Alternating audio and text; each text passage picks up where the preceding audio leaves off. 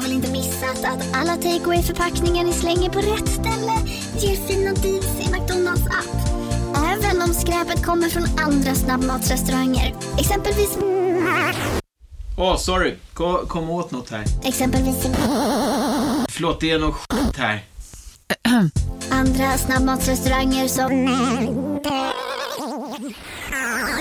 Vi, vi provar en talning till. La la la la la. La la la la.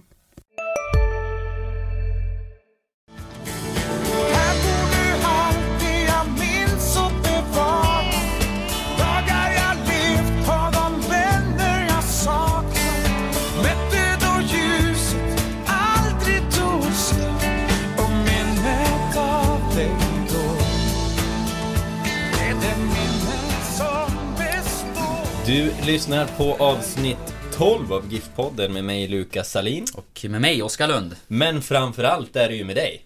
Tja, tja. Sebastian Ölaxum är här och hälsar på idag. Mm. Välkommen! Tack. Vår eh, tredje gäst. Eh, vi brukar ju säga i varje avsnitt att det är historiskt och det är första, det är första gången vi har en wingback i podden om man, om man ska göra det här avsnittet historiskt. Hur, hur är läget med dig?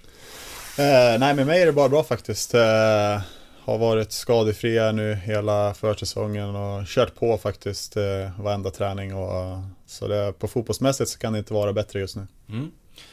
Eh, apropå det, det, det har ju varit lite, lite småskador sådär eh, genom åren. Brukar du få hålla dig skadefri på, på försäsongerna? Nej, men jag brukar faktiskt vara duktig på att hålla mig skadefri. Det sista egentligen jag har haft nu, det är väl det här strulet med att det har slagit hjärtat har varit lite konstigt. Det är väl det jag har haft mest problem nu sista ett och ett halvt, två åren. Men eh, vi har gjort ganska många regelbundna kontroller nu och uteslutit att det ska vara något farligt utan det ska väl mer vara en kombination att det kanske är mycket lite stressat eller ja, vi har inte fått någon exakt diagnos men det ska i alla fall vara ofarligt. Så det, efter vi gjorde det sista här i januari så har det känts mycket bättre och inte känt av någonting så det, det är positivt. Men du har dragits med det liksom fortsatt sådär sen, sen Ja, förra men, säsongen? Ja, men det vart ganska mycket precis i uppstarten där första dagarna och då fick jag göra en rejäl koll igen med nya ultraljud och liksom sånt där. Men det såg faktiskt jättefint ut enligt dem. Utan det kunde vara något sånt där, äh, ja, någon kunde komma, om det var, ja, exakt vad de sa, men det var stressat eller om det sovit dåligt kanske var någon kombination där man har ju tre kids så det kanske var just där under uppstarten vid semestern att det var lite för lite sömn eller jag vet inte vad. En kombination av mycket. Så, men det ska i alla fall vara ofarligt så det är skönt att gå vidare. Mm.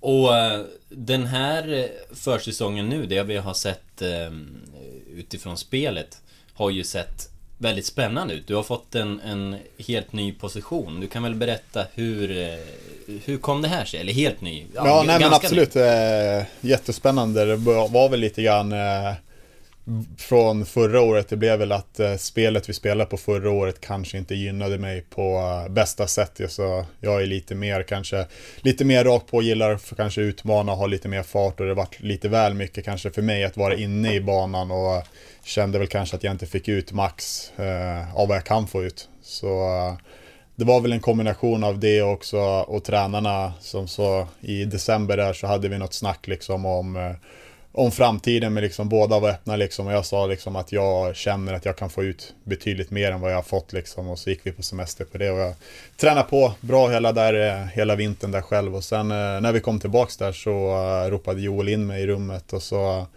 hade han taktiktavlan där och så frågade han liksom du, hur ser du på att eventuellt spela ja, men vänster eller höger ytterback? Vi ska spela på ett lite annorlunda sätt här nu när Ferran har kommit in också och då ehm, så äh, frågan liksom hur uh, ställer sig till det och jag sa att det, det ser jättebra, alltså ser positivt ut. Jag tror att det skulle passa mig perfekt att få ha lite mer bredd och kombination att komma, komma offensivt med lite fart, lite från kanten men ändå så känner jag att jag har ganska mycket att bidra i defensiven också med löputhållighet ganska stor och stark ändå för att ta bort, uh, alltså i defensiven och hjälpa till. Så vi sa att vi skulle testa på det några veckor och se vad det går men eh, ja, efter det så känns det som att nu vill jag inte gå tillbaks utan det har varit som en, nej men eh, på riktigt så har det varit en helt nytändning även fast man, man är 28 nu men jag sa det till Joel här för några veckor sedan att det känns som att jag liksom har gått tillbaks 5-6 år, det känns som att jag utvecklas igen på ett annat sätt än man kände när man var yngre. Så att varje dag på träningar nu så är det en utmaning, liksom man får tänka lite annorlunda mot vad, mot vad man var van innan, liksom man kanske körde lite mer eh, på rutin när man körde på sin position men nu får man hela tiden anpassa sig och se liksom, ja, men hur ska jag tänka i den här situationen och fått mycket feedback av Faran och Joel också hur man ska tänka och hjälpa till liksom och nej, jättepositivt och glad att jag har fått den möjligheten. Kan du berätta lite mer om positionen? För många är nog nyfikna. 3-5-2 med, med wingbacks och sådär. Det pratas mycket Ja. om spelsystemet. Nej, Hur ser du på din position Det är väl idag, en liksom? blandning av en ytterback och en yttermittfältare, en lite mer gammal traditionell ytterfältare, men ändå i defensiven så blir det väl en typ av fembackslinje, men att man ligger lite mer, eller vad säga, lite mer att man ska pusha upp och våga stå högt upp i alla fall, man är ytterbacken och våga kliva lite mer kanske än vad du gör på ett vanligt 4-4-2. Så det blir ju att du hela tiden måste vara på tå och få möjligheten liksom att vara, vara aggressiv och då får man kanske ut mer offensiven också om man har spelare som är sugna på att i defensiven redan vara förberedda på att vinna bollen för att gå offensivt. Och sen offensivt så är det ju att hålla bredd liksom för att hitta spelvändningar, komma med fart, överlappningar och mer och så låta centrala mittfältarna och forward få hålla och göra det de är bra i mitten och så stötta dem och samtidigt som man ska ha koll på hemåt så blir det ändå att man får vara väldigt offensiv. Så det är en kombination av båda som jag tycker passar mig ganska bra. Jag har spelat i en sån här medioker spansk liga på grus och min första träning när jag Mm. knappt kunde ett ord eh, spanska så ritade de upp en fotbollstränaren ritade upp en fotbollsplan i gruset så pekade han på ena hörnflaggan och så pekade han på andra hörnflaggan och sen så rörde han fingret däremellan. Här arbetar du. Är det, är det lite så det är ungefär? Nej, men det är ganska tydligt ändå vad man ska ha för roller. Det är lite nytt sätt i år att eh, det är fortfarande fritt, men man ska veta vad man ska vara. Vi ska inte bara springa runt, utan ska vi spela på det sättet vi vill och få ut så ska vi verkligen att man, man har sin position. Ska bollen komma där så gäller det att någon är där så att vi inte har gjort allting rätt och så står jag fel. Så det är mycket att tänka rätt i positionen, men såklart det är fortfarande fritt när tillfälle ges. Under försäsongen så man spekulerar alltid lite kring laget och vi funderar mycket hur Mm. startelvan kommer bli och supporta snacka och så här. Och, eh, man kan titta på vissa positioner och på, på den platsen där du främst har spelat till vänster så är, känns det ganska tydligt att det är du och Dennis Olsson som, som fightas lite grann om Mm. den positionen. Känner man så själv och liksom, hur tänker du kring den konkurrensen just på, ja, på den platsen? Nej, men så är det ju absolut. Och jag vet ju om att Dennis är en väldigt bra fotbollsspelare och har spelat där på kanten. Så det blir ju en extra utmaning att ett, försöka komma in i den nya rollen och två, alltså konkurrera med han varje dag. Och det tror jag gynnas båda två, för jag tycker båda är riktigt, har varit riktigt bra på hela försäsongen. Det känns som att man, vill man spela så måste man ja, men prestera och det tycker jag är bra. Jag tycker det ska vara så i klubbar att man ska ha två bra på alla positioner för då, då sporrar man varandra att ta nya kliv och det kan vara bra. Han kanske spelar några matcher, sen måste jag vara redo och jag spelar och då gäller det att båda liksom är, är sugna hela tiden. Mm. Vi, vi fick höra någon gång i vintras att för Robin Selin fick ju ett sånt här eh, besked då, som, som han har förklarat det för mig att eh, eh, det, det, det fanns liksom ingen, eh, ingen roll för honom och han, han skulle få söka sig vidare, vilket han ju gjorde nu. Eh, som vi hörde, eller jag hörde, så, så fick du något liknande besked till en början. Var det? Stämmer det? Inte exakt kanske på det sättet utan det var mer en öppen dialog från, från båda. Liksom. De såg väl att jag kanske inte kändes, eh, att jag trivdes. Liksom. Jag fick inte spela så mycket och det är klart man går ner sig lite grann kanske. Och det var egentligen ömsesidigt från båda där vi pratade liksom, hur vi ser på framtiden och vad jag vill, vad de vill. Och så bollade vi frågan fram och tillbaks men jag sa ganska tidigt i december att jag kände att jag hade mer att ge och jag ville ge det en chans. Och ja, men att spela in mig i laget och då tog vi hand och så blev det så. Mm.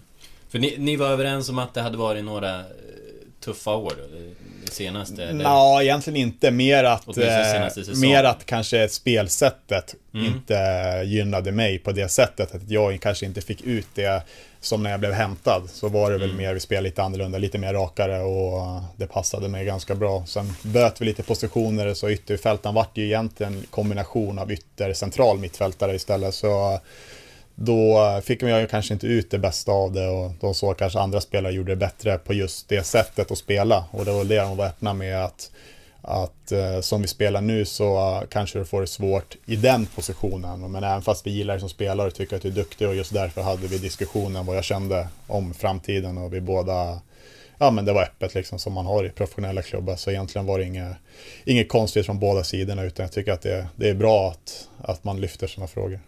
Hur ser du på det där med spelsystemet då? För det var ju en fråga som vi hade tänkt ta med dig, liksom just att du blev hämtad och du kom in i ett läge och fick spela mycket när du kom och jag vet att eh, Lukas, du gjorde någon artikel där om att poängsnittet höjdes med Sebastian Rajala Ja, i laget. jag har försökt att krama ur så mycket som möjligt ur den researchen. För, för det blev ingen jätte... Jag jag fick inte riksgenomslag på det. Nej, men, men ni höjde poängsnittet med, med en halv poäng per match sen, sen du kom och gick ju upp i Allsvenskan på det. Mm. Så var det. Och sen förändrades spelsättet då successivt som vi var inne på. Liksom, hur, hur har du upplevt den förändringen? För jag misstänker att som spelare inte det är så jäkla kul. Man blir hämtad till en roll och sen så Ja. försvinner den mer eller mindre. Nej men så är det ju lite grann. Samtidigt så har jag varit med ett tag. Jag har haft otroligt många olika tränare fram och tillbaka. Framförallt i Djurgården så hade vi i stort sett ny tränare varje år och alla ville spela på ett nytt sätt. Så varje, vad säger man, vinter när vi satt där i januari så var det genomgång hur vi ska spela och då var egentligen allting glömt hur vi hade spelat förra året. Så lite så, så vet man ju om att det går till i fotbollen, framförallt när det byts tränare och man ser kanske, hämtar nya och olika spelare och så försöker man pussla ihop vad passar det här laget bäst. Så så det är klart man såg liksom att det kanske inte var till min fördel. Men eh, samtidigt så försöker man göra det bästa då och framförallt inte grina utan man får försöka spela till sig och ta, ta de möjligheterna man får och försöka hjälpa laget så gott det går ändå. Och så får man väl anpassa sig efter hur laget vill spela. Så ja, egentligen inget konstigt. Klart att det, det var inte optimalt men det är ingenting som jag egentligen störde mig på. Nej. Du, eh, som förra säsongen där när det, det blev väl åtta starter till slut i Allsvenskan, tror jag. Eh, Eh, gick du någon gång i, i tanken att ah, jag kanske ska söka mig vidare? Ah, egentligen inte, ja alltså det beror, det beror på. Det är väl dag till dag men egentligen inte utan jag kände, det jag hade snacket med Joel i december var att jag kände hela tiden att jag var där och att det kunde lika bra varit jag som spelade. Och så hade vi en otroligt bra start där på, på våren och då får man ju acceptera att man att man blir utanför när det är jämnt och gör man det bra så kan man inte kräva att man ska in just då. Och så hade jag gjort, jag fick ju spela mot Malmö och det gick väldigt bra och så fick jag det här problemet med, ja men med, som jag pratade om innan, med lite hjärtat och fick lite hopp där så man missar ju liksom, kommer ur rytm och då måste ju tränarna tänka på vad som är bäst för laget just då. Då, det går fort då, är matcherna tight så blir det ju 5, 6, 7 matcher så man blir utanför och så blir det semester och så det är lätt att det blir, att det springer iväg, att man hamnar utanför när, eh, när man får lite så här små skavanker. Just den här matchen mot Malmö, jag var ju på plats och bevakade den och precis som du säger, du gjorde en, en jättebra match fram tills att du blev tvungen att, att kliva av liksom. Känns den verkligen som att, ja, den matchen blev lite grann eh, någon sorts, eh, vad säger man, vägskäl den säsongen för dig? För då hade du stora möjligheter att liksom verkligen cementera en plats i startelvan men så istället. var det ju lite. Jag fick ju starta direkt matchen efter också mot Örebro, men det var ju då efter det jag fick åka in till sjukhuset där Mm. efter 20 minuter. Så det var väl lite surt att det blev just i det läget, men samtidigt så är det ju så. Man vet ju att det är små marginaler i fotboll och framförallt är det skador och hälsan så går det snabbt att man tappar sin plats. Det gäller ju liksom att man är, att man är skadefri och har hälsan i behåll. Det är ju en del av spelet också. Men, eh, och nu i, i talande stund så är det ju, det är ju måndag nu. Ni spelar match mot eh, Brage imorgon. Vad är, eftersom det här kommer ut på onsdag morgon så kan du ju kanske berätta vad som är planen för dig.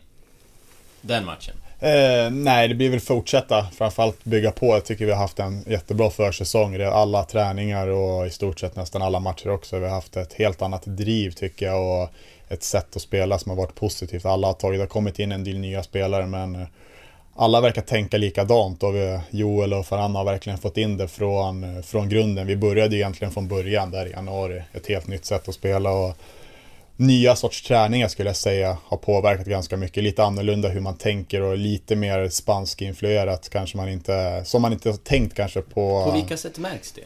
Nej men egentligen är det små detaljer i alla fall som jag har reagerat på eh, i spelet. Några få meter man kanske ska stå. När vi till exempel har bollen. Jag är egentligen inte i närheten av att få bollen. Så varför ska jag stå här när man egentligen borde tänka, enligt han som egentligen är självklart när man får reda på det, att ta fem meter in mot försvar, även fast vi har bollen så tar jag ändå ett steg in och tar att om vi tappar bollen så kan jag ta bollen av han direkt.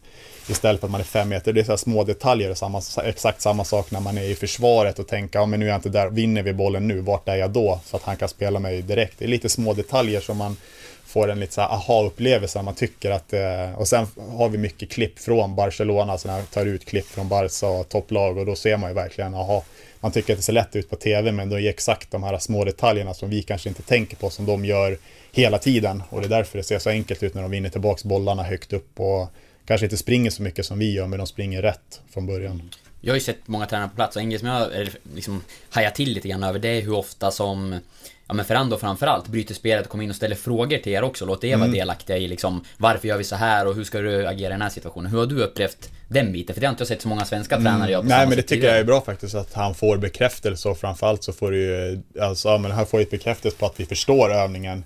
Fortsätter den bara så behöver man inte veta om vi förstår. Bryter han träningen och säger vad ska du stå eller vad så här, då måste du ju svara och då får man ju ett mer Ja, nu sitter det eller att nu förstår ni hur vi ska spela så jag tycker det är bra att man tar det i rätt lägen. Du trivs ju bättre nu du är med positionsbyten och sådär, men du har samtidigt kontrakt som går ut efter den här säsongen va? Ja, Eh, precis. Hur ser du på framtiden?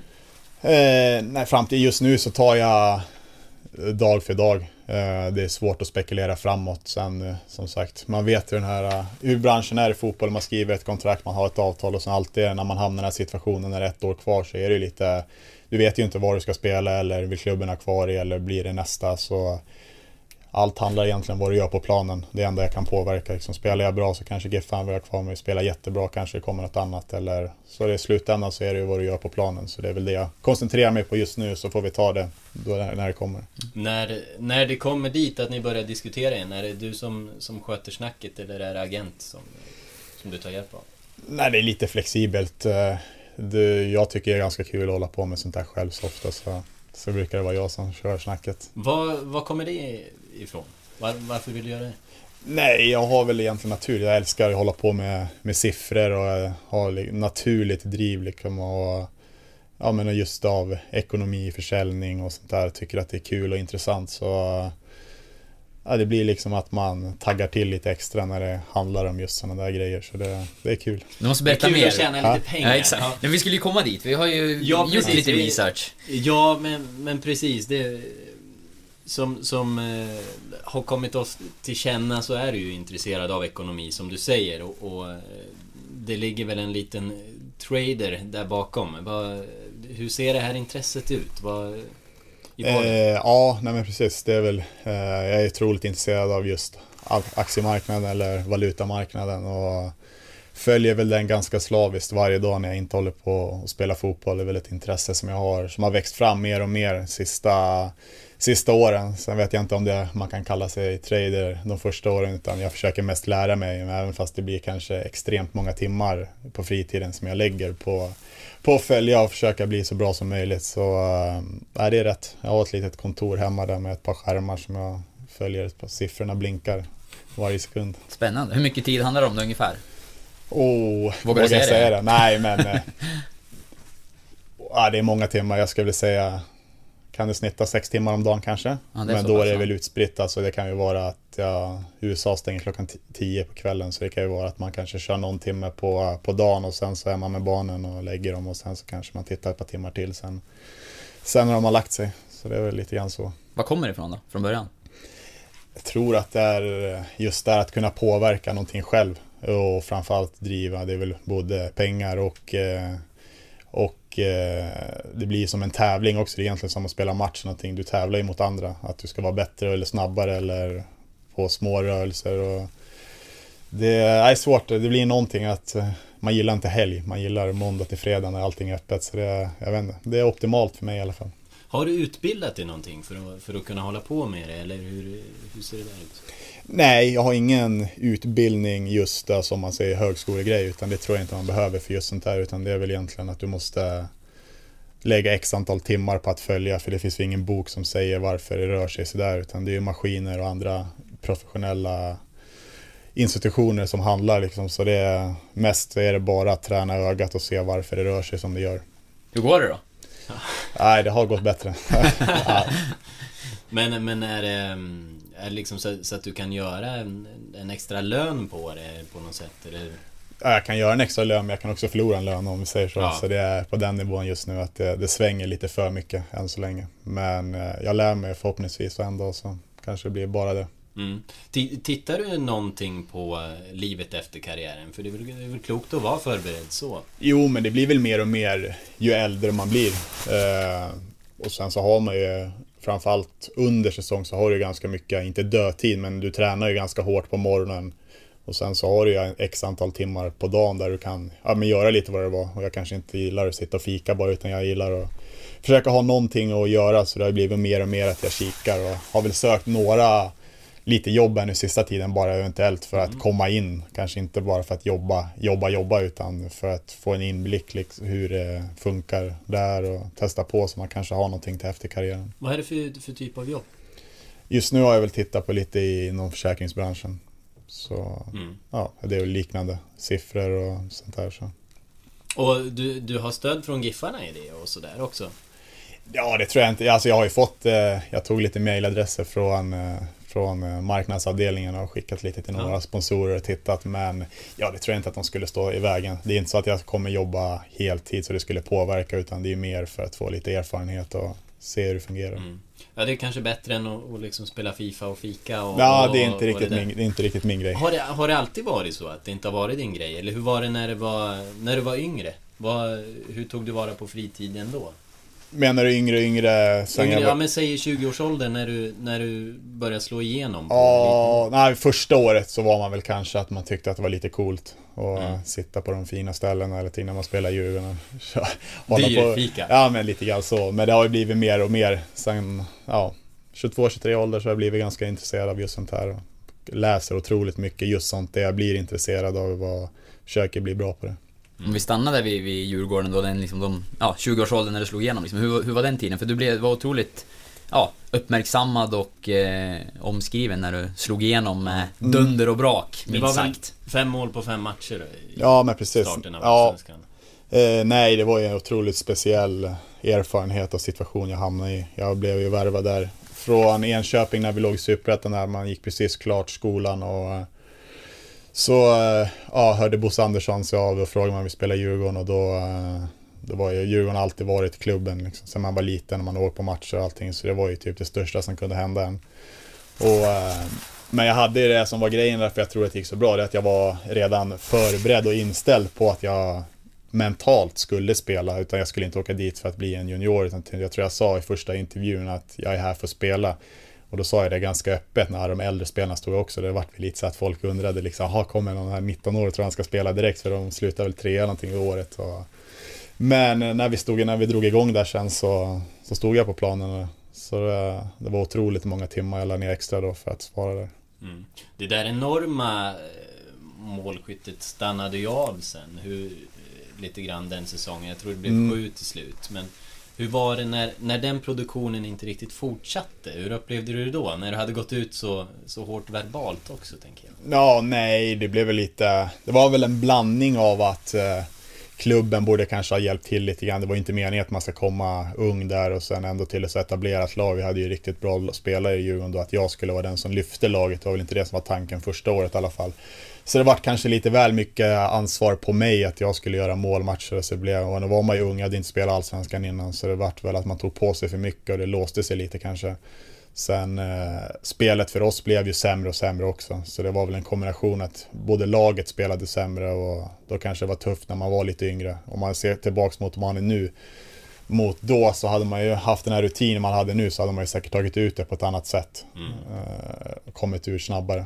Så, Hur blev det då? Liksom, hur hanterade du under, under den tiden? Liksom, hur, hur märktes det på dig då kanske att det var... Nej, man var kanske varit liksom? mer frustrerad och blev irriterad och grinig kanske på mindre saker. Även fast man kanske gjorde det bra så borde man kanske ja, inte lagt så mycket fokus på annat runt om sidan och tänkt utan mest bara, man var ju fortfarande ung och spelade liksom för att det är kul. Man kanske la fokus på massa annat runt omkring och det var rykten hit och dit så man vart liksom ja, få- tankarna kanske for iväg på annat än just fotbollen just då. Var det liksom stora klubbar? För när man får det genomslaget och du nämndes ju till och med eh, Det var snack om landslaget Mats Olsson ja. jag skrev, skrev den här krönikan att du skulle ju spela EM i sommar. Ja, nej, jag, utan att säga någonting kan jag inte veta exakt vad Djurgården hade för någonting just då, men eh, jag hade väl, tror jag, från min agent ett meddelande där, jag tror det var fjärde matchen eller femte där, att det var 28 klubbar tror jag på plats eller någonting, så det var väl en del, alltså det vart att man tänkte, tänkte mycket på sånt där och sen eh, vart jag uttagen direkt i U21 där också med de äldre också, så det vart ju ganska mycket hype just runt omkring då som är, i huvudet kanske man hade räknat in en flytt redan innan det blev klart och så gick det väl kanske lite sämre och ja, vart väl att kanske man blev besviken när det inte blev någonting på en gång. Kunde du känna under den tiden att, att du seglade iväg eller lyckades du hålla dig på jorden?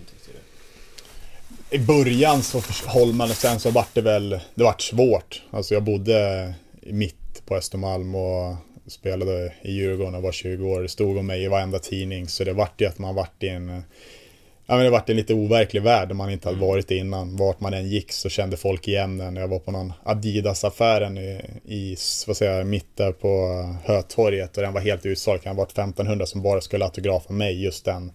Så det vart ju lite stjärnstatus som man kanske, ja men det är klart man gillade den och sen så det kanske blev lite väl mycket där ett tag. Lite skillnad mot, mot Sundsvall som är ganska lugnt. Här kanske man till och med drar sig för att hälsa på, eh, på, på någon man känner igen även om det skulle vara Wayne Gretzky. Ja, precis. Men hur ser det liksom nu då om du liksom idag blickar tillbaka på den tiden? Hur, hur minns den liksom? Är det med, med glädje liksom? Hur tänker du kring de jo, åren hade alltså det var ju jättebra. Alltså sen tror jag kombinationen, det som blev sen i Djurgården, det var att det vart så mycket tränarbyten. Det blev svårt. Det var egentligen ingen som lyckades i Djurgården där under fyra fem år där. Det var ju nya tränare och sportchefer varje år och det vart mycket skit runt omkring där ett tag. Så det var, det var svårt för oss att få resultat kanske som fansen krävde och det vart kanske mycket press från många och många låste sig. Och det, men ja, jag är väl tacksam för den tiden. Det är väl kanske det bästa jag haft. Liksom. Jag gjorde ändå över 100 matcher för Djurgården. Så det tycker jag känns ganska stort. Och det var en dröm man hade som man var liten att spela för Djurgården. Så det, det, ja, men det bär jag med mig. Och du är djurgårdare än idag? Ja, men precis. Vad, vad är de stora skillnaderna så på att spela en sån svensk storklubb kontra GIF Sundsvall skulle du säga? Det är väl just allt runt omkring som är den stora skillnaden. Att det kan vara ett par hundra på träningarna. Är det träningsmatcher är det 3-4 tusen och det är... Är du just inne i, alltså i det där så det kanske blir mer, att du blir mer igenkänd i lite mer kanske status än att vara i, Sundsvall på ett annat sätt. Uh, sen är det väl större organisationer runt omkring. Det blir väl allmänt, men det är väl det största man märker är väl eventuellt att det är fler folk på matcherna. Alltså det är väl det som man känner fotbollsmässigt och allt annat så är det inte så stor skillnad. Det är ju mer att man kanske, ja men att det är att spela mot, mot på Råsunda för 34 000 mot, mot AIK är ju ganska häftig känsla. Går det att förklara hur någonting sånt eh, runt omkring som den mängden åskådare, hur, hur pass mycket det påverkar prestation? Jag skulle säga att det bara påverkar positivt, i alla fall om du klarar av det. Att, eh, det kände i alla fall jag i början där att eh, när man spelade inför så mycket, man höjdes, man fick ju med publiken på ett annat sätt och många tror jag tyckte att det var ganska jobbigt att komma dit om alla buade. Liksom. Man kände ju att de kunde bestämma sig att de skulle bua ut vänsterbacken hela matchen, då var han dålig. Så det är lite grann, lite grann så, men framförallt så är det ju derbyn och sånt där som är helt otroliga att få spela när det är fullsatt och framförallt det är en det, det engagemanget som de lägger ner just inför sånt med tifo mot varandra är väl det jag tror att alla fotbollsspelare i Sverige skulle vilja uppleva. Ehm, och sen så eh, tog du ju också vändan där till eh, Polen. Efter, var det efter Syrianska nu? Det, var Ja, precis. Ja, en tid på utlån där. Ja exakt, Syrianska. exakt. Jag var i Syrianska där 2013. Så, eh, och efter det så var vi överens med Djurgården att vi, att vi skulle gå skilda vägar. Och då dök det upp några olika möjligheter där som jag hade faktiskt ett par att välja på. Men det slutade med att det blev att det blev Polen, det kändes rätt just då jag var där nere och fick bra intryck av både klubben och av tränarna och de ville satsa på mig. Han hade varit spelare själv i Skandinavien så han visste ungefär vad han skulle få. Så det, det kändes som ett coolt äventyr och, och satsa in det. Så jag tog med familjen och åkte ner där nere och hade vi lite otur där som det blev. Han, eh, tränaren som hämtade oss fick sparken relativt tidigt. Och jag vet inte vad jag ska, vad jag ska berätta, men det vart, efter det så vart det ganska, ja, det vart ju parodi om man ska säga. Det var väl efter, ja men att han fick sparken efter åtta matcher någonting när vi hade varit där så um, Träningen efter så, uh, vi förlorade en match, kör med 6-1 mot Lech Poznan eller någonting och då uh, sa han någonting bla bla bla att, uh, ja ni kunde ha sagt det till mig, det var typ som att han trodde att vi förlorade med flit för att han skulle få sparken. Kommer ner på träningen dagen efter och då står liksom hela teamet uppradat där med sin, som man ser på film, med skolådan och allting. Och så tog de med handen hej då, hej då, hej då. Och sen så kommer någon svart Merca där med nya tränare i kostym in där på ett led och ställer sig upp där. Och så Ja men fick alla vara med där och köra, träna på första träningen och det var så här men sen Träning två så var det direkt liksom, första var en samling och så sa de eh, vilka pratar inte polska här? Och så var det typ, ja vi räckte upp, det var ganska många utländska. Och från och med nu så är det bara polska som gäller, bla bla, du ska gå. Det är inte ett ord engelska ska vi höra här. Och, och så började det sen och så sa han typ så här, du, du, du, du, så pekade han på alla spelare som eh, den andra tränaren hade hämtat som var utlänningar, att eh, ni är inte med och tränar längre. Så efter det så var det väl en speciell situation, när man inte fick vara med och träna längre. Eh, Ja, det kan man förstå. Hur, hur Vad mådde hände du då? då? Va? Hur mådde du då? Nej, jag mådde ganska bra. Det hade ganska bra. Det var att en spelare som är Joel Perro, han, han spelade med mig i Djurgården två år redan. Så jag hade en som jag kände också redan där. Och han pratade också svenska. Så det, vi tog det ganska bra. Utan det var ett par stycken så vi fick inte vara med. Så vi fick springa bredvid planen första veckan. När de andra tränarna fick vi bara springa, springa runt, runt planen där och mest göra ingenting. Och uh, ja, så försökte de med att vi skulle bryta avtalen och, liksom, och när vi sa, sa att vi inte kommer göra det, då, det var då, då började det roliga. Så det, Vad hände, Vad hände då? nej, det, det började med att de skickade ner oss till um, och spela i, med andra laget där. Typ, vad kan det ha varit i tredje ligan i Polen eller något sånt där. Och då, då åkte vi ner, vi var ju ganska många och det var ju ändå ganska kul. Vi åkte ner dit och spelade kanske sex matcher. Vi fick träna med dem, alltså inte med A-laget utan med de andra. Och sen eh, spela matchen också med, med andra laget. Men vi vann ju alla matcher med 5-6-0 men vi hade ju jättebra spelare för att spela där. Och då gick det typ fem matcher eller sex och vi mötte ju de som låg etta och siktade på att gå upp alltså till andra ligan och vann med 5-0 mot dem. Det var ett jävla liv att nej, ni får inte skicka ner de här spelarna. Så slutade vi fick inte vara med och spela där för då var det fel i systemen liksom att vi ska inte vinna mot de där. Så eh, då fick vi inte spela matcher utan då fick vi bara träna. Ja, så då tränade vi på där och samtidigt så fortsätter de att hålla på att ja, men eh, vi måste avbryta kontrakten. Det här funkar inte liksom. Det, det, det, var en andra tränaren som ville ha er och ni förstår ju också det att det här funkar inte bla bla bla och... Men då var det fortfarande andra laget ni fick träna med? Ni fick inte träna med, med ert Ja, lag, nej, nej, nej. Det andra laget tränade, Ja. de fick träna på eftermiddagen själva och byta om i någon hydda där på sidan. Ja. Så nej, men det var ganska lugnt. Vi höll ju igång där. Vi visste ju att vi hade tre, vi hade ju treårsavtal. Ja. Eh, och så började det med att... Ni eh, fortsatte få löner också? Eller?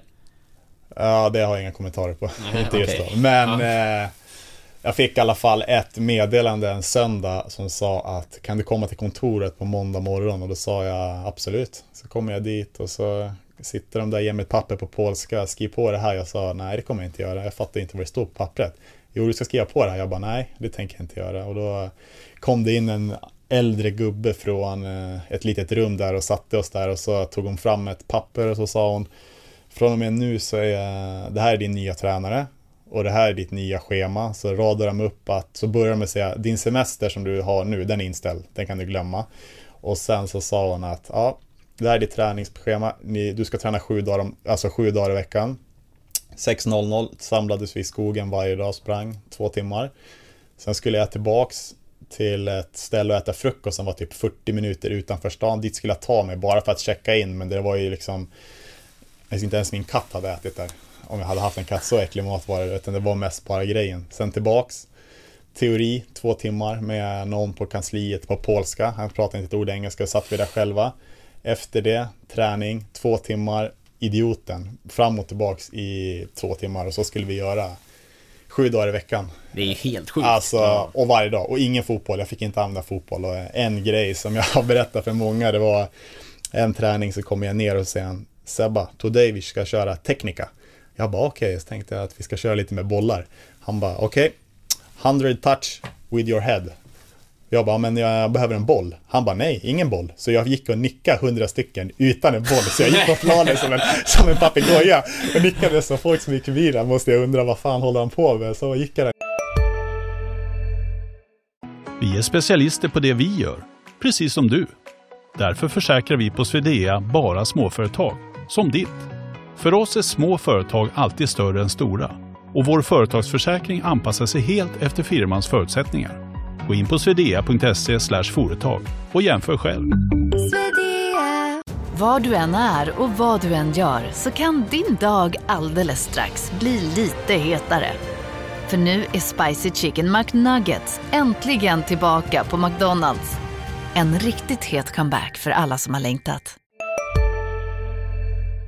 Nicka och sen så körde han, ja Sebbe nu ska vi träna crossbollar och djupledslöp. Jag skulle liksom djupledslöpningar och tajma i det och han skulle sätta en crossboll så jag skulle liksom ta en löpning, kolla bak och så satte han en luftboll, alltså han hade ingen En boll heller. Så skulle jag ta emot den på bröstet och springa in så här. Och så körde vi så, ja men ett par gånger på eftermiddagarna några dagar där. Det tyckte han att nu har jag försökt lite teknik också. och så, ja, och så gick det ju liksom Men du körde på? Ja, jag körde på. Jag sa det här kommer inte, jag kommer inte lägga ner och det var ju egentligen fel person att gå på eftersom att det, alltså, fysiken är ju det bästa jag har och framförallt huvudet också. Så det gick inte. Och när det började bli lördag, söndag där och han fortfarande fick gå upp sex på morgonen var inte han skitglad och frågade vad håller du på med? De Alltså, satte verkligen in resurser Ja, för alltså att de ville ju att jag skulle alltså, bryta avtalet. Men var det, bara, det- var det bara du som körde det här schemat då? Eller var Ja, just då var det bara det. Ja, Alltså, och, du fick göra det ensam? Ja, helt ensam. Och de andra som var i samma situation, de precis. fick... Eh, de diskuterade på ett annat, de var lite mer med, eh, alltså, ja. När det gällde att bryta kontraktet Ja, och så. exakt. Du sa tvärnej Ja, och jag sa bara tvärnej ja. och så körde vi på här och då frågade han liksom, vad är ditt problem? Varför, varför är du kvar här för?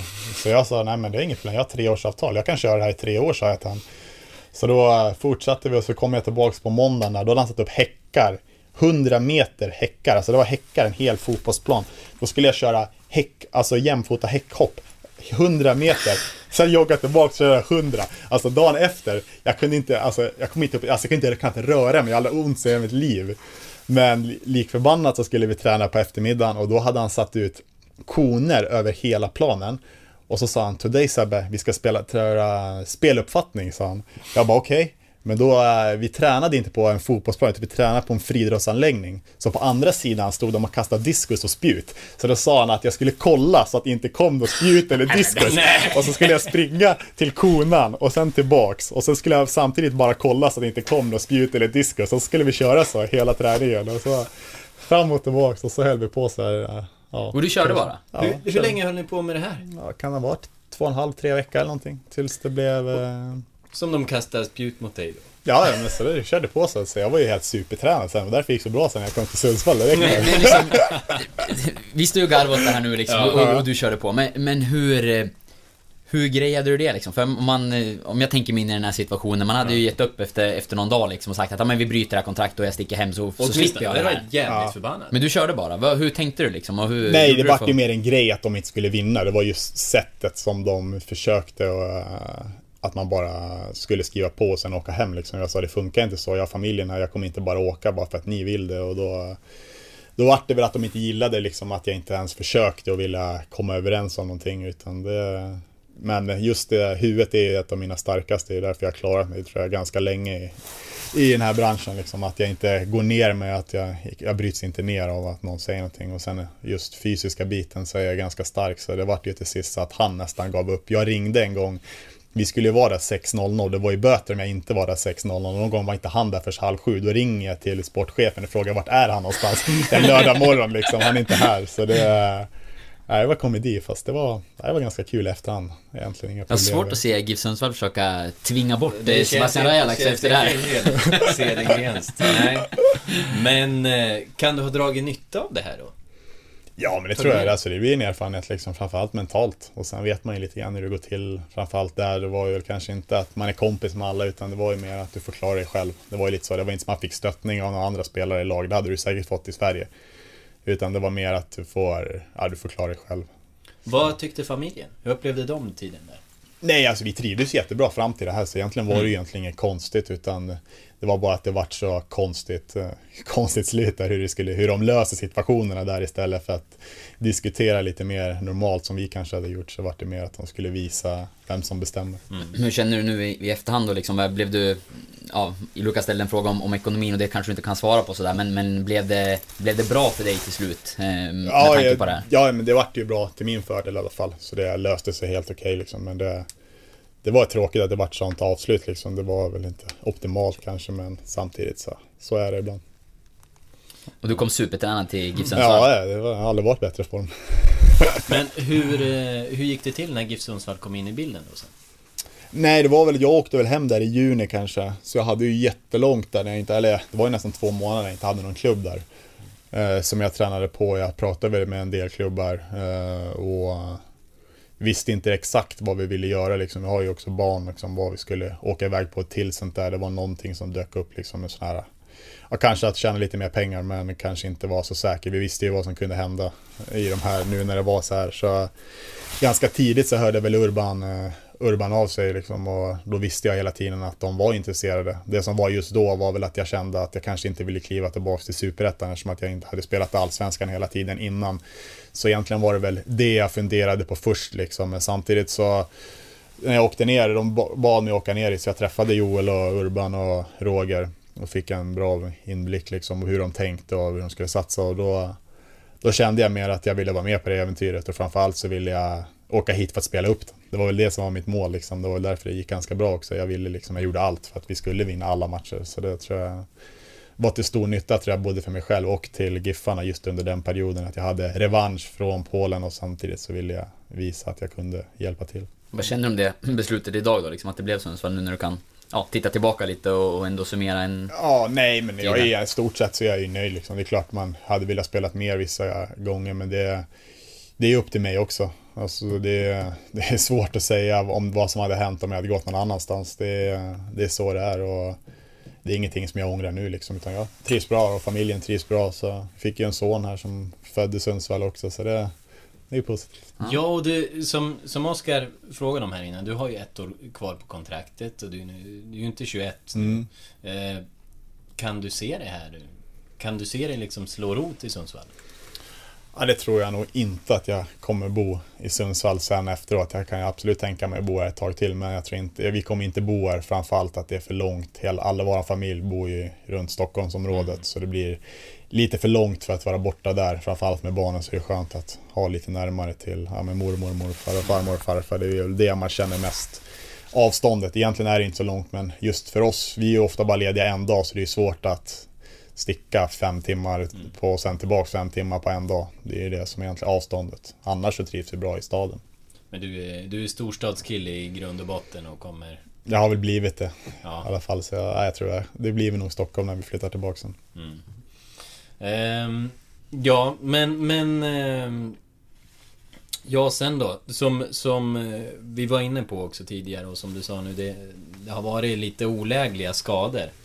Ehm, hjärtat har vi pratat om. Sen var det ju också eh, något som ju blev väldigt liksom, visuellt i rubriker. Det var ju den här eh, gurkbiten. Nu handlar väl det i sig inte om Ja. gurka från början va? Eller, hur- eller hur, hur var det? Du, Nej men jag tror att det var, eh, det egentligen i, allting by, har nog ett sammanhang. För det kom genom andningen tror jag fick besvär med hjärtat. Det slutade med tror jag att jag hade någon typ av allergi slash astma som gjorde att jag fick massa slem i halsen som inte, som inte försvann. Så jag hade jätteproblem. Jag gick ju säkert ner 6 kilo där. Nu är jag fortfarande, alltså på ja, ett halvår. För jag kunde inte äta på det sättet som jag gjorde innan utan allt var jag tvungen. Ett tag så mixade jag maten för att det gick inte att svälja. Det liksom kändes som att det var kvar i halsen hela tiden. Och så var det två gånger som jag, ja, men någon gång käkade någon gurka och den kom liksom inte ner. Jag kände att den satt liksom kvar så jag fick ju åka in här på akuten och kika men den hade åkt så långt så att det var lugnt. Det var ingenting som var allvarligt men det vart mer det vart jobbigt eh, varje dag när man skulle äta för allting var jag tvungen att tänka på. Ja men det här tänker jag inte äta. Jag gjorde inget kött på hur länge som helst. Nej men det vart soppa typ fem dagar i veckan och det vart speciellt just det att eh, hur var man tänka på vad man skulle äta. Jag åt typ yoghurt och, ja, men yoghurt och soppa kanske säkert i två och en halv månad varje dag för att eh, ja men det gick inte att käka. Det kan ju inte vara ultimat som, som liksom elitidrottare heller med tanke på energin man behöver. Nej, man fick ju käka betydligt mer av det. Så jag lärde mig att trycka i mycket. Så jag kände mig aldrig att jag vart... eh, alltså fick för lite ork eller någonting. Men snarare i efterhand så har det varit positivt för jag känner mig betydligt lättare och har fått inga sådana här ja, men muskelskador som jag hade lite problem med förut. Så jag tror det var bra att få bort några, ja, men, tappa lite vikt också. Hur kan du käka nu då liksom? Är det Ja, allt som nu, vanligt? nu är det bättre, men det är att jag käkar ju kanske, istället för att käka på fem minuter, tar det 25 minuter. För jag tuggar allting bara. Det blir Ja. lite som, uh, ja men någon, uh, vad säger sitter nu i, i huvudet. Att jag kan inte svälja på en gång, utan det ska sväljas ner ordentligt. Och det. Men fick du någon diagnos på det hela till slut? Nej, jag tror bara, men jag fick någon medicin sen där mot för astma och någon sån här pollengrej. Så jag tror att det var det, att det var så jävla mycket slem och från någon hosta där som satt där, som kom från astman tror jag. Någon förkylningsastma, så det var någon kombination. Jag hade en hosta som satt i tre månader innan det där kom. Så jag tror att det var någonting där som spökade. Men du behöver inte käka någon mediciner och sådär idag liksom? Nej, nu, nej, nu är det borta helt? nej Ja. nu gör jag inte det. Så det är ingen Skönt. risk att du, att du åker på ett sånt här skidåkar-dopingprov sen? Nej, det hoppas jag inte. Det vet man inte. Kanske någon som har spetsat maten. Ja, Mogge i sportdrycken. Jag tror att du äter långsamt, då kanske vi hinner upptäcka Ja, om det skulle precis. ligga någonting där i. Men eh, jag tror faktiskt att vi ska, att vi ska börja runda av. Vi kan väl bara gå in lite då på, på årets säsong, vi har pratat om positionen och sådär Ja, liksom. om, man, det, om man tittar på hela laget. Vi har ju det här året kvar. Ja, vi har ju snackat om dig, men, men liksom vad känner du, för utomstående och liksom vi som följer GIF Sundsvall var det nog många som liksom tyckte i höstas att eh, det såg oroväckande ut inför den här säsongen med tanke på hur hösten såg ut och inte så många nyförvärv och ingen tränare ett tag sådär.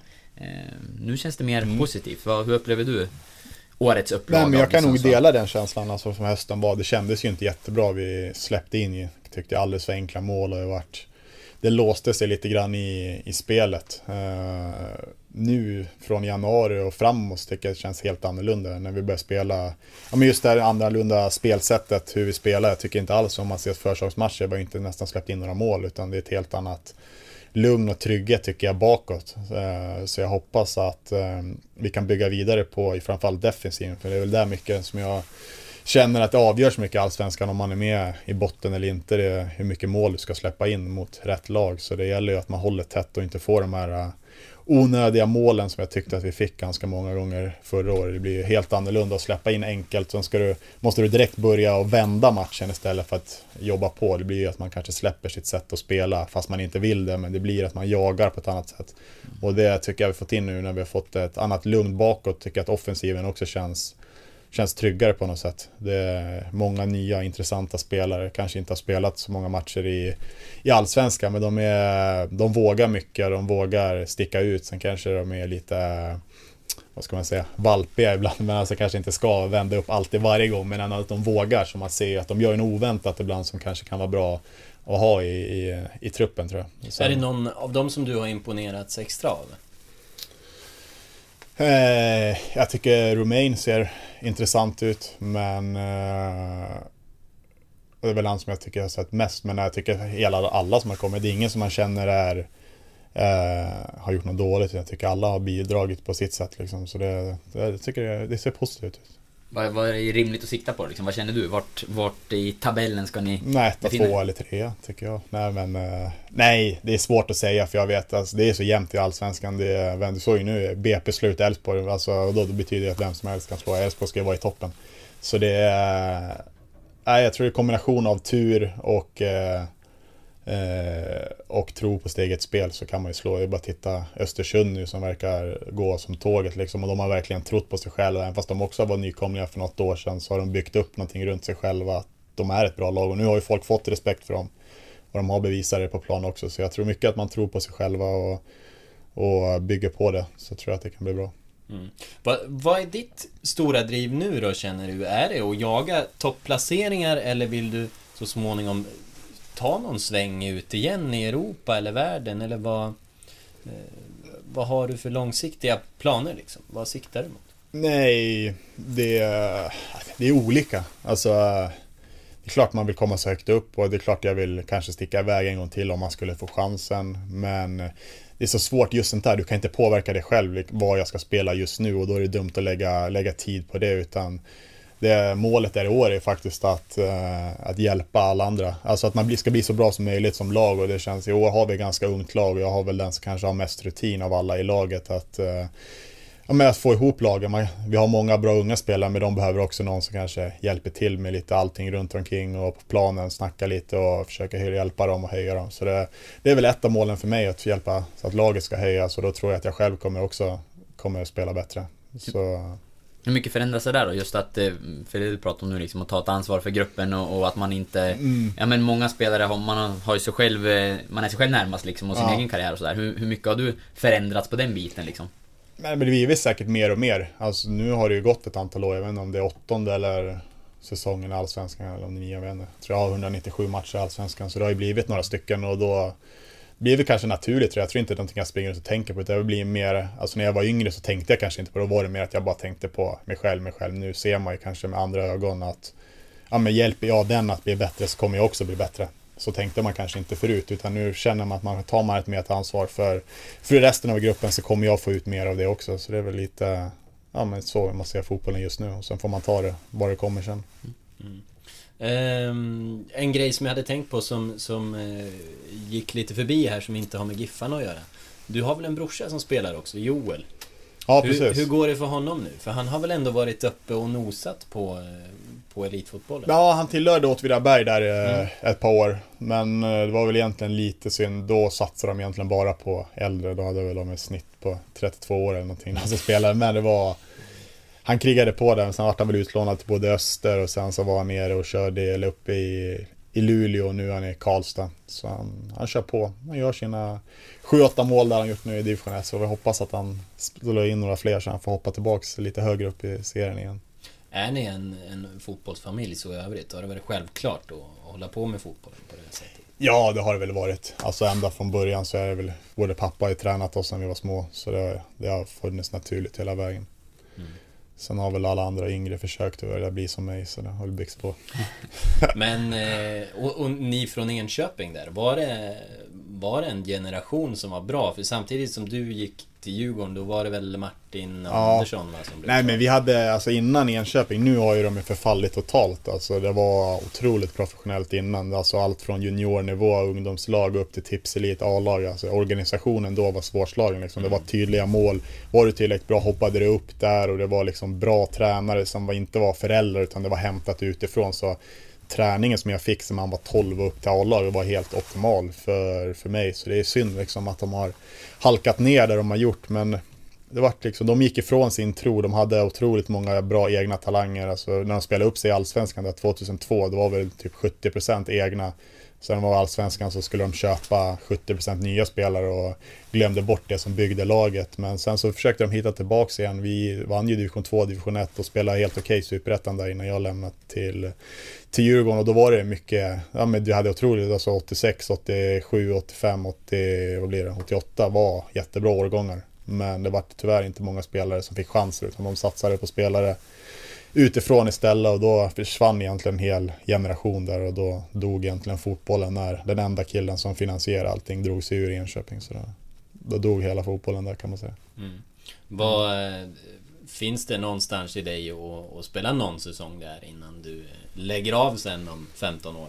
Ja, det beror på om de spelar upp sig lite grann. Division 3 eller någonting. De åkte rakt, fritt fall rakt genom systemet. Men absolut, om de hade varit högre divisioner så absolut. Mm. Ehm, ja, men ska vi, ska vi nöja oss sådär? Så Vi gör det. tackar vi dig så hemskt Mm. mycket för att du ville komma förbi. Så Ja, vi kul se, att Du vara kanske här. får någon, någon till kopp kaffe här. Ja, precis. Ja, det Kilar får hem. se till att lösa. Vi, vi dömde ut oss själva lite grann i, när Tommy Naurin med dotter Precis, var vi- gäst. Eh, Vi gjorde ju Tommy sjuk. Ja, jag vet inte om det blev så mycket gästvänligare här heller. Det är fortfarande sladdar och teknik bara, men eh, vi jobbar på det. Ja, nej, ärligt talat så det ser ju ut som skit här inne men jag, jag presenterade det ändå som en städad radiostudio jämfört med förra gången så att eh, du får ett lite finare rum. Jag tror att det är dammtorkat men fortfarande fullt av Ser jättetrevligt ut. Ja, vad härligt. Vi eh, tar och förevigar det på bild tror jag och slänger upp på bloggen där podden hamnar. Eh, så får ni väl göra en egen bedömning helt enkelt. Men Raja Laxos betyg ser trevligt ut. Eh, Tommy Naurins betyg var, ser ut som Aris Gulasons vardagsrum. Med de slutorden så tror jag att vi tackar för den här veckan. Sebastian Rajalaxo har lämnat byggnaden och jag får väl säga att han växte i mina ögon i alla fall.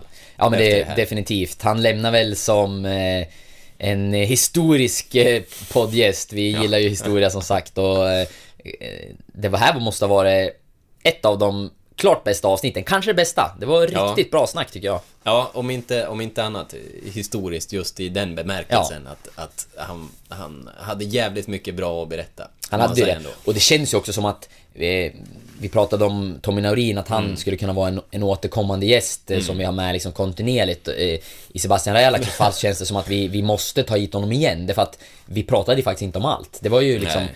flera ämnen som...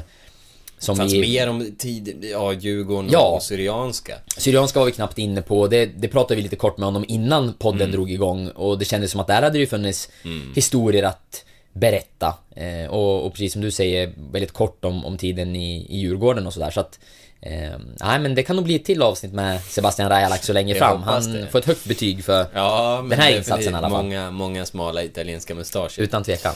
Men... Eh, nej, den här eh, tjurigheten som han hade, den beundrar jag verkligen alltså. Den... Eh, det är ju ingenting man, man riktigt ser utifrån. Visst kan man ana att han har en bra tävlingsinstinkt och sådär, det har jag förstått, men inte att det var på den här nivån. Det här är ju verkligen en kille med en hårdhudad kille och som sagt växte verkligen i, i mina ögon. Det, det är ju sjukt intressant att höra hur han har tacklat de här historierna och att han i efterhand nu kan stå och garva och säga att de mådde ganska bra ändå under den där tiden. Ja, det är ju fascinerande. Alltså man, man tänker i vilka...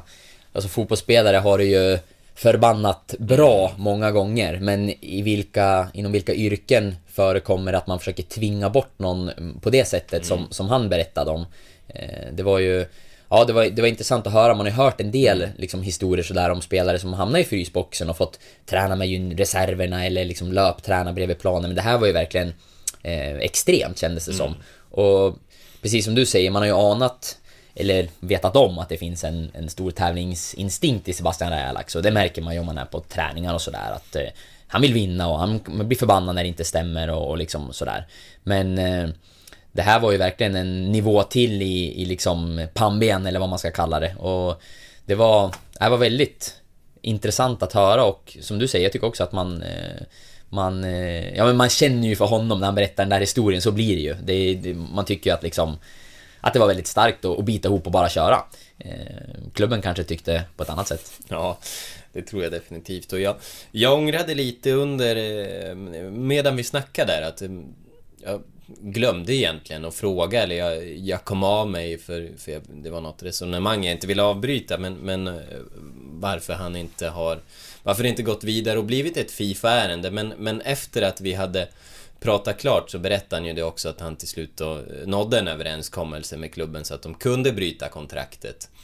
Ehm, sådär, så att, så att eh, det löste sig ju för honom på det sättet. Men det är ju verkligen ett, ett oacceptabelt sätt att bli behandlad på även om, även om han nu står och garvar här. Hade det varit i Sverige då hade det ju varit ett jäkla liv. Ja, nej men definitivt. Nu, nu hade han väl inte möjlighet kanske att berätta alla detaljer kring Nej, hur, hur man precis, gjorde ja. upp och sådär. Men eh, ja, de hittade ju en lösning i alla fall som, som liksom gjorde att han eh, Ja, han lämnade klubben liksom och, och Ja. mo- i och med det så antar jag att han var Han var nöjd med överenskommelsen och, och, och klubben måste väl också vara det i och med att de, de skeppade iväg honom så att säga då.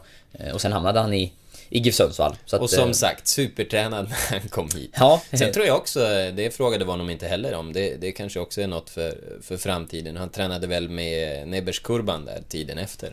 Har jag för mig att han har berättat. Så att... eh, Varför, varför man nu behöver det efter den där tidens fysträning i Polen. Ja, det Men- känns ju som att det var fys för ett, ett helt, en hel fotbollskarriär där på bara några veckor så. Ja, det ska vi nämna också för den oinvigde. Neberskurban är den här eh, snabbhetstränaren som kör med bland annat eh, Guidetti och de här BP-killarna som vi lite svepande kallar dem. Men det är väl även eh, Jelona Wad och så vidare. Det, hela, hela, hela det gänget, må, många ur eh, BP-gänget och 92-ish generationen. Där. Mm.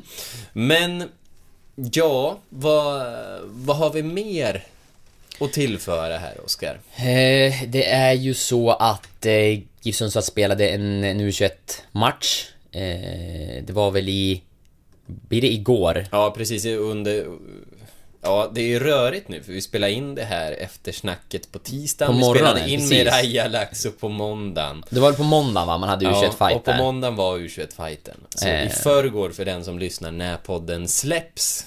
Precis. Ja, nu blev det Vi rör stökigt. Vi ber om ursäkt för det. Ja. Men vi kör vidare. Under, under måndagen så Ja. spelades en U21-match. Eh, där, och, och man har en match på måndagen och sen en träningsmatch idag, tisdag. Eh, vilket blir igår för er som lyssnar.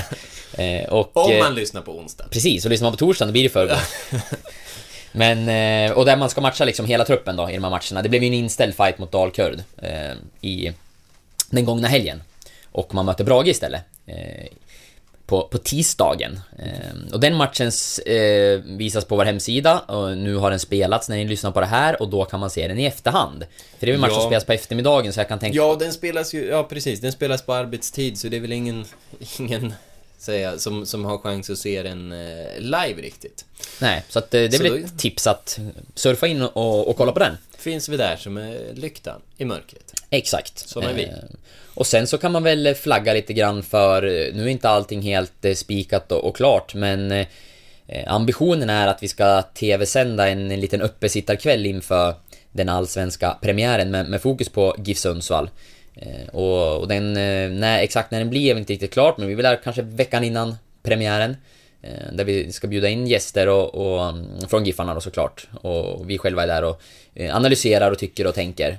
Så att det blir en, eh, en, en, riktig satsning på, på Giffarna under, under den kvällen. Och det kommer vi såklart återkomma med mer om detaljer och när det blir och när allt är helt spikat och sådär. Men det, vi siktar och strävar mot det och jag tror att det kan bli en, eh, grym kväll att ladda upp inför Allsvenskan. Men, Mm.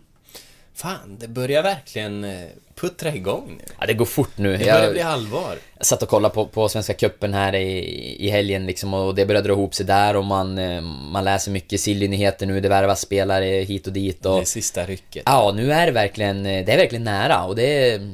Jag tycker det har gått fort. Sista Mm. veckorna har liksom rusat iväg och, och nu känner man ju verkligen att det är... Det är snart dags. Ja, och Allsvenskan, det känns som att den bara blir hetare och hetare och med alla återvändare som kommer. Det kommer ju inte vara det är knappt en ointressant match som kommer spelas den här säsongen. För det finns inga, det finns inga ointressanta lag, inga lag utan personlighet på det sättet. Som, man, som jag tycker man har kunnat känna om några matcher de senaste åren. Men nu finns det ju alltid den här lilla moroten. Ja, men, eh, ja nu är Hammarby till exempel redan ett publiklag, men Jiloan Hamad kommer hit, jäkligt intressant att se. Du får se Kim Källström och Andreas Isaksson i Allsvenskan igen. Du får se Rasmus Elm i Allsvenskan. Frimpong! Frimpong, precis! Till och med AFC kan bli roliga att kolla på. Så eh, det börjar verkligen puttra igång i mig. Eh, Jag, det här ska bli en riktigt spännande allsvensk säsong. Ja, nej, det, det känns... Den, man, eh, jag tycker alltid att den här tiden på året nästan är den, den bästa. Eh, om man gillar att följa allsvensk fotboll, eh, som, som du och jag gör. Det är liksom mycket förväntningar och det har varit träningsmatcher som man kan, man kan analysera och tänka till om dem. Trupperna börjar sätta sig så man kan ändå titta där och se lite grann hur det kommer se ut, även om det fortfarande är så att ett par pusselbitar ska in här och där så man kan spekulera kring de sista värvningarna och eh, det byggs upp liksom inför premiären. Så att den här tiden är allt, känns alltid Allsvenskan känns alltid spännande den här perioden tycker jag, men i år så håller jag med dig att det känns faktiskt lite extra. Jag tycker att det känns som en, en, en hyperintressant serie. Eh, och eh, det känns också som att det är flera lag om man tittar i toppen då som, som kan göra upp om det faktiskt. Eh, Malmö FF har, jag liksom haft som favorit varje säsong de, senaste åren egentligen. I år så tror jag att de, de verkligen kommer bli, bli testade. Eh, Det, fin, det är flera lag som kommer vilja vara med där och, och fightas. Och nu har, nu har inte Malmö vunnit guld varje år så att det har inte varit rätt, men liksom känslan i år är att det blir jag tror att det kommer bli ett riktigt eh, race. Det finns, finns några lag som jag tycker kapprustar lite grann och ja, det ska bli väldigt spännande. Får jag, eh, innan vi, vi avslutar här, får, får jag hålla ett litet tal då från hjärtat? Gärna! Eh, Just om det här egentligen, eh, på sätt och vis. Ehm, Jag har ju... Jag har ju berättat det tidigare att mina, båda mina, mina plastbrorsor som jag växte upp med hela livet, de är ju båda eh, gamla Black Army-medlemmar och jag, jag växte ju upp eh, med dem och kände ju att då när jag var liten, man kände en jäkla liksom gemenskap runt fotbollen och runt föreningen kanske. Och just den här tiden när det börjar puttra igång och bli ny säsong och bli jäkligt spännande. Men lite med tiden och kanske när man har växt upp och jag som flyttade hemifrån tidigt eh, känner su supporterskapet där har egentligen eh, runnit ifrån och ännu mer med den här yrkesrollen som vi har. Vi kan ju inte på det sättet välja ett allsvenskt lag och hålla på. Man får liksom negligera det och, och med tiden så försvinner ju egentligen klubbkänslor. Jag kan inte säga idag att jag är en AIK-supporter. Men nu i höstas när, eh, när en av mina bröder gick bort så var det på begravningen där så ställde sig en av gästerna upp som var Alltså Vad säger man? Poj, pojkvän, sambo med eh, min plastbrorsas eh, moster. Och han ställde sig upp och sa att Nej fan, jag, jag kände aldrig Jimmy va, men vi hade ju AIK. Och det var liksom, det, det är en viss gemenskap i det som, som man bara får så här från fotbollen. Och jag kan känna med den här säsongen och, och nu inför det här med, med Giffarna som, eh, som väntar och med GIF-podden vi har, all respons vi får. Eh, för det har faktiskt varit oväntat mycket får jag säga. Verkligen. Att det är någonting som puttrar igång och även om det inte är Även om det inte är ett supporterskap så är det en gemenskap runt fotbollen som är jäkligt unik med idrott överhuvudtaget. Och äh, jäklar alltså. Den här, den här säsongen tycker jag ska bli ruskigt kul och vi har ett intressant allsvenskt lag. Jag har inte alla år känt att Giffarna har varit intressanta, men nu är det ett intressant lag. Eh, som både kan överraska och, och floppa. Oavsett vilket resultat det blir så kommer de ju vara intressanta. Det finns så många personligheter och unika spelartyper känner jag i år, så att det... Nej, det är med tillförsikt och en sån här solig, vacker morgon som vi har utanför fönstret, så jäklar alltså. Nej, jag fick, jag, må, jag fick lite rysningar nu faktiskt, det må, måste jag ärligt eh, säga. Eh, det, det är ju precis som du säger, det är liksom eh, gemenskapen som finns inom liksom fotboll. Och det tror jag alla känner som har varit del av ett lag kanske som spelare eller som ledare eller som supporter eller, eller som du säger nu att man kan kanske att det är en serie man följer, ett intresse man delar liksom att eh, det är ju inte bara eh, det behöver inte vara att man, man följer det här eller det här laget eller att du är liksom involverad i någon i en förening på det sättet utan eh, man har ett stort gemensamt intresse som Mm. blir ett samtalsämne eh, när man fikar som gör att man spelar in en podd kanske som vi gör och- eh, som liksom, är eh, liksom- man pratar med, med ja, man har ju massa kompisar i olika Mm. städer och, och olika länder till och med som man pratar fotboll med liksom via olika forum och, och Sådär och det är, det är liksom Det är någonting att, att samlas kring Mm. och tycka kring och man har massa olika åsikter och det blir debatter och det blir Man, man, eh, man håller med varann och man eh, man eh, liksom har vitt skilda åsikter Mm. och det, ja, men det, liksom, det är verkligen någonting som Ja, men precis, och, och det, det finns ju någonting enande i det som till exempel i fallet jag och min bror då. Så eh, kom ju vi ifrån varandra väldigt mycket sista åren, drog åt helt olika håll och kan väl egentligen säga att vi, vi kände inte varandra. Um, men vi hade alltid det här, vi kunde alltid diskutera AIK. Eh, det där fanns alltid kvar även om vi, man glider åt olika håll politiskt och socialt så kunde man mötas i det där. Mm. Och att eh, det finns utrymme i en supporterskara eller i, i ett sånt här intresse för att få vara egentligen vem man vill. Eh, Det spelar egentligen ingen roll om man är vänner, men du har intresset. Du, du har den där gemenskapen och det, det är jäkligt fint med fotbollen och nu börjar det vakna till liv igen efter en mörk vinter. Det, det är liksom en, det är verkligen en tid av förväntan här. Mm, absolut. Det är, det är till för alla. Mm. Och, och, och det är Det är fint. till för alla. Och, eh, och det... Ja, du, du såg ju till att de här, de här känslorna liksom, eh, de, de fanns där och jag kände mig på gång men nu, eh, nu jäklar alltså. Ja, nu det här ska bli jäklar, fantastiskt alltså. kul. Ja, så jag tror därför att nu stryper vi veckans avsnitt, behåller de här känslorna och tar med oss det in i nästa vecka. Då kommer det bli succé, garanterat. Ja, succé på varje vecka. Vi kör! Ja, vi säger så. Tack! Hej!